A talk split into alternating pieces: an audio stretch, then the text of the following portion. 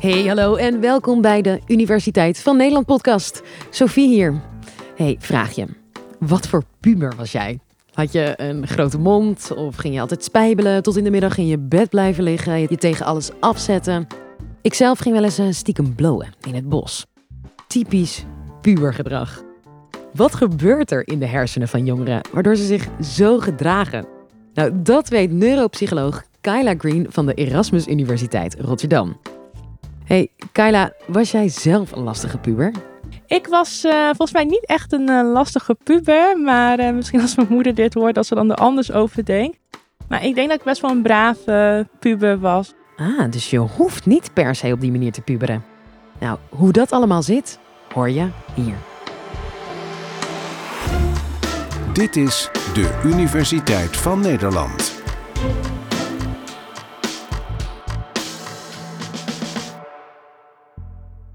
Puberteit, dat is iets wat bij alle culturen te zien is, wat ook al jarenlang gebeurt. Dus al duizenden jaren zien we uh, die kenmerken van puberteit. Uh, Socrates die zei, de jeugd van tegenwoordig doet niks, die is alleen maar uh, lui, willen niks. Dus was toen al was dat een ding, zeg maar. We allemaal zo geweest en we gaan ook allemaal weer naar het punt dat wij over de volgende generatie dan zeggen, och, die jeugd van tegenwoordig. De puberteit begint ongeveer uh, tussen de 9 en de 12 jaar. Dus het verschilt per kind. Maar we zien wel dat het eerder bij meiden begint dan bij uh, jongens. Uh, de puberteit zelf duurt niet heel lang. Dat is ongeveer, nou ook dat verschilt per kind. Maar rond 15, 16 is dat ook wel weer afgelopen. En dan heb je eigenlijk nog een periode die iets langer doorgaat. Tot ongeveer nou, 23, 24 jaar. En dat is eigenlijk samen met de puberteit wat we de adolescentie noemen. En dat is eigenlijk de periode dus tussen kindertijd en volwassenheid. Dus de periode die je hebt om op te groeien tot een volwassen persoon die het zelf moet gaan doen in de samenleving. We kunnen eigenlijk de start van de puberteit best wel goed meten, omdat we dan uh, de toename zien in geslachtshormonen. Dus uh, daarmee kan je goed in kaart brengen wanneer de puberteit begint. Dat is uh, ook bij meiden het moment dat ze uh, voor het eerst ongesteld worden bijvoorbeeld. Het moment dat je dus ook veranderingen ziet uh, qua uiterlijk in je lichaam, groeispurt, lichaamshaar, dat soort dingen. Maar er vinden dus ook veranderingen plaats in gedrag en in het brein. In het brein zien we dan dat uh, hersenverbindingen eigenlijk sterker worden of zwakker. We noemen het de use it or lose it eh, principe. Dus verbindingen die veel gebruikt worden. Dus bijvoorbeeld denk aan iemand die een muziekinstrument bespeelt. En bepaalde hersenverbindingen daarvoor hard nodig zijn, die worden steeds getraind elke keer als je aan het spelen bent. Nou, dat wordt nog sterker. En verbindingen die je eigenlijk niet zoveel gebruikt, die zwakken af en die gaan weg. En dat maakt het brein eigenlijk heel efficiënt, waardoor het sneller en uh, beter kan werken. Dus het is heel fijn eigenlijk dat dat uh, gebeurt. En in het brein zien we dus ook eigenlijk een soort van groeispurt. Maar wat dan interessant is om te zien, is dat dus niet alle hersengebieden op hetzelfde tempo zich uh, ontwikkelen. Dus je hebt bijvoorbeeld hersengebieden die uh, meer dieper in het brein uh, liggen, die heel erg betrokken zijn bij emotie en motivatie en beloning. En die ontwikkelen zich iets sneller. Die laten ook een piek zien rond 15, 16, 17 jaar. Dus als je dan uh, deelnemers een taakje laat doen waarbij ze geld kunnen winnen, dan zie je dat jongeren veel meer hersenactivatie in die gebieden laten zien op het moment dat ze dus geld winnen, dan bijvoorbeeld kinderen of volwassenen. En dan heb je ook hersengebieden die meer vooraan liggen, dat noemen we de prefrontale cortex. En die ontwikkelt zich wat langzamer die verschillen, dat wordt vaak eigenlijk gezien als een soort van het brein wat uit balans is. Dus aan de ene kant uh, de gebieden die bij emotie en beloning, motivatie betrokken zijn, uh, die zijn heel erg actief en die zijn snel ontwikkeld. En dan hebben we nog de hersengebieden die meer vooraan liggen en die heel erg betrokken zijn bij het uh, reguleren van gedrag, het kunnen nadenken over je keuzes en beslissingen kunnen maken, die zich wat langzamer ontwikkelen dat brein wat uit balans is, dat wordt vaak dan gekoppeld aan wat uh, ik zelf dan negatief risicogedrag noem. Dus bijvoorbeeld overmatig drinken, drugs gebruiken, uh, risico's nemen in het verkeer. In onderzoeken wordt dat er heel vaak um, aan gekoppeld. Wij willen dus ja, meer onderzoek doen naar kijken van wat is er nou gunstig aan die ontwikkeling die wij zien. Is het alleen maar dat negatief risicogedrag of kan het juist ook positieve uitkomsten hebben?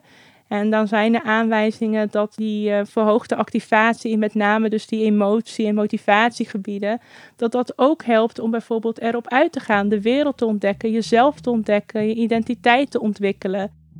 De adolescentie is ook een periode van kansen, uh, van flexibiliteit, creativiteit. Het is ook uh, niets voor niets dat een nieuwe trend, als het gaat om muziek of mode, dat dat vaak bij jongeren begint. Uh, ze zijn hartstikke creatief en dat zie je dus ook wel weer terug in het brein. We puberen allemaal, maar sommige jongeren laten bepaalde gedragingen vaker of eerder zien dan anderen. Ehm, dus er zijn veel individuele verschillen. Het is nog niet heel goed bekend van waar het er precies aan ligt, maar het idee is wel dat die sociale omgeving een belangrijke rol daarin speelt. Dus als jij opgroeit in een omgeving waarin bijvoorbeeld sprake is van armoede of van verwaarlozing of mishandeling, veel negativiteit en tegenslagen, um, dan kan dat ook weer mogelijk invloed hebben op je hersenontwikkeling en ook weer invloed hebben later op eventuele mentale problemen of stoornissen. Dus er zijn een aantal risicofactoren die inmiddels wel bekend zijn. Maar we weten nog niet helemaal waardoor ook binnen zo'n groep van kwetsbare jongeren, waarom de een wel veerkrachtiger is, zeg maar, dan de ander. Dan is het dus interessant om te kijken van wat zorgt dat het bij de een wel uh, uiteindelijk de negatieve kant op gaat en bij de ander niet. En de sociale omgeving speelt dan een belangrijke rol. Dus als je bijvoorbeeld kijkt naar veerkracht, Um, vaak wordt toch nog wel gedacht dat veerkracht iets is wat uit jezelf moet komen. Jij moet veerkrachtig zijn, je moet kunnen omgaan met die tegenslagen door bijvoorbeeld uh, uh, een goede copingstrategie te hebben van als dit gebeurt dan ga ik dat doen om ermee om te gaan. Maar veerkracht hoeft niet alleen uit jezelf te komen, het kan ook uit je omgeving komen, uit het gezin, uit de wijk, de school. Er zijn nog heel veel systemen rondom het individu die ook heel veerkrachtig kunnen zijn en het daarmee het individu kunnen helpen om met tegenslagen om te gaan. Ik zal nooit vergeten dat tijdens de coronacrisis uh, uh, we een brainstorm hadden en dat een van de jongeren zei van... Ja, ik moet gewoon naar de McDonald's voor gratis wifi, want ik heb geen internet thuis. Dus als ik mijn online lessen wil volgen, dan moet ik daar naartoe. En dan kan je denken van nou, zo'n persoon moet veerkrachtig worden, die moet leren omgaan van ja, de situatie is vervelend, maar het komt uiteindelijk wel goed. Maar je kunt ook denken van nee, in deze situatie heeft de jongere gewoon een laptop en internet nodig, middelen eigenlijk. Uh, het systeem eromheen moet veerkrachtig zijn. Het ligt niet altijd alleen maar aan het uh, individu. Ja, ik hoop met het onderzoek vooral uh, te kunnen laten zien dat dus die wisselwerking tussen de sociale omgeving en hersenontwikkeling zo belangrijk is. En dat het dus echt uitmaakt in wat voor omgeving je bevindt en opgroeit en welke middelen je dus hebt. Uh, welke support je bijvoorbeeld krijgt van ouders of van andere familieleden. En dat dat heel veel invloed dus kan hebben op hoe uiteindelijk uh, iemand zich ontwikkelt.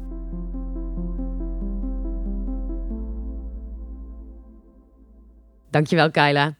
Los van dat standaard pubergedrag brengen die ontwikkelende hersenen ook nog wat positiefs mee. Nou, gelukkig maar.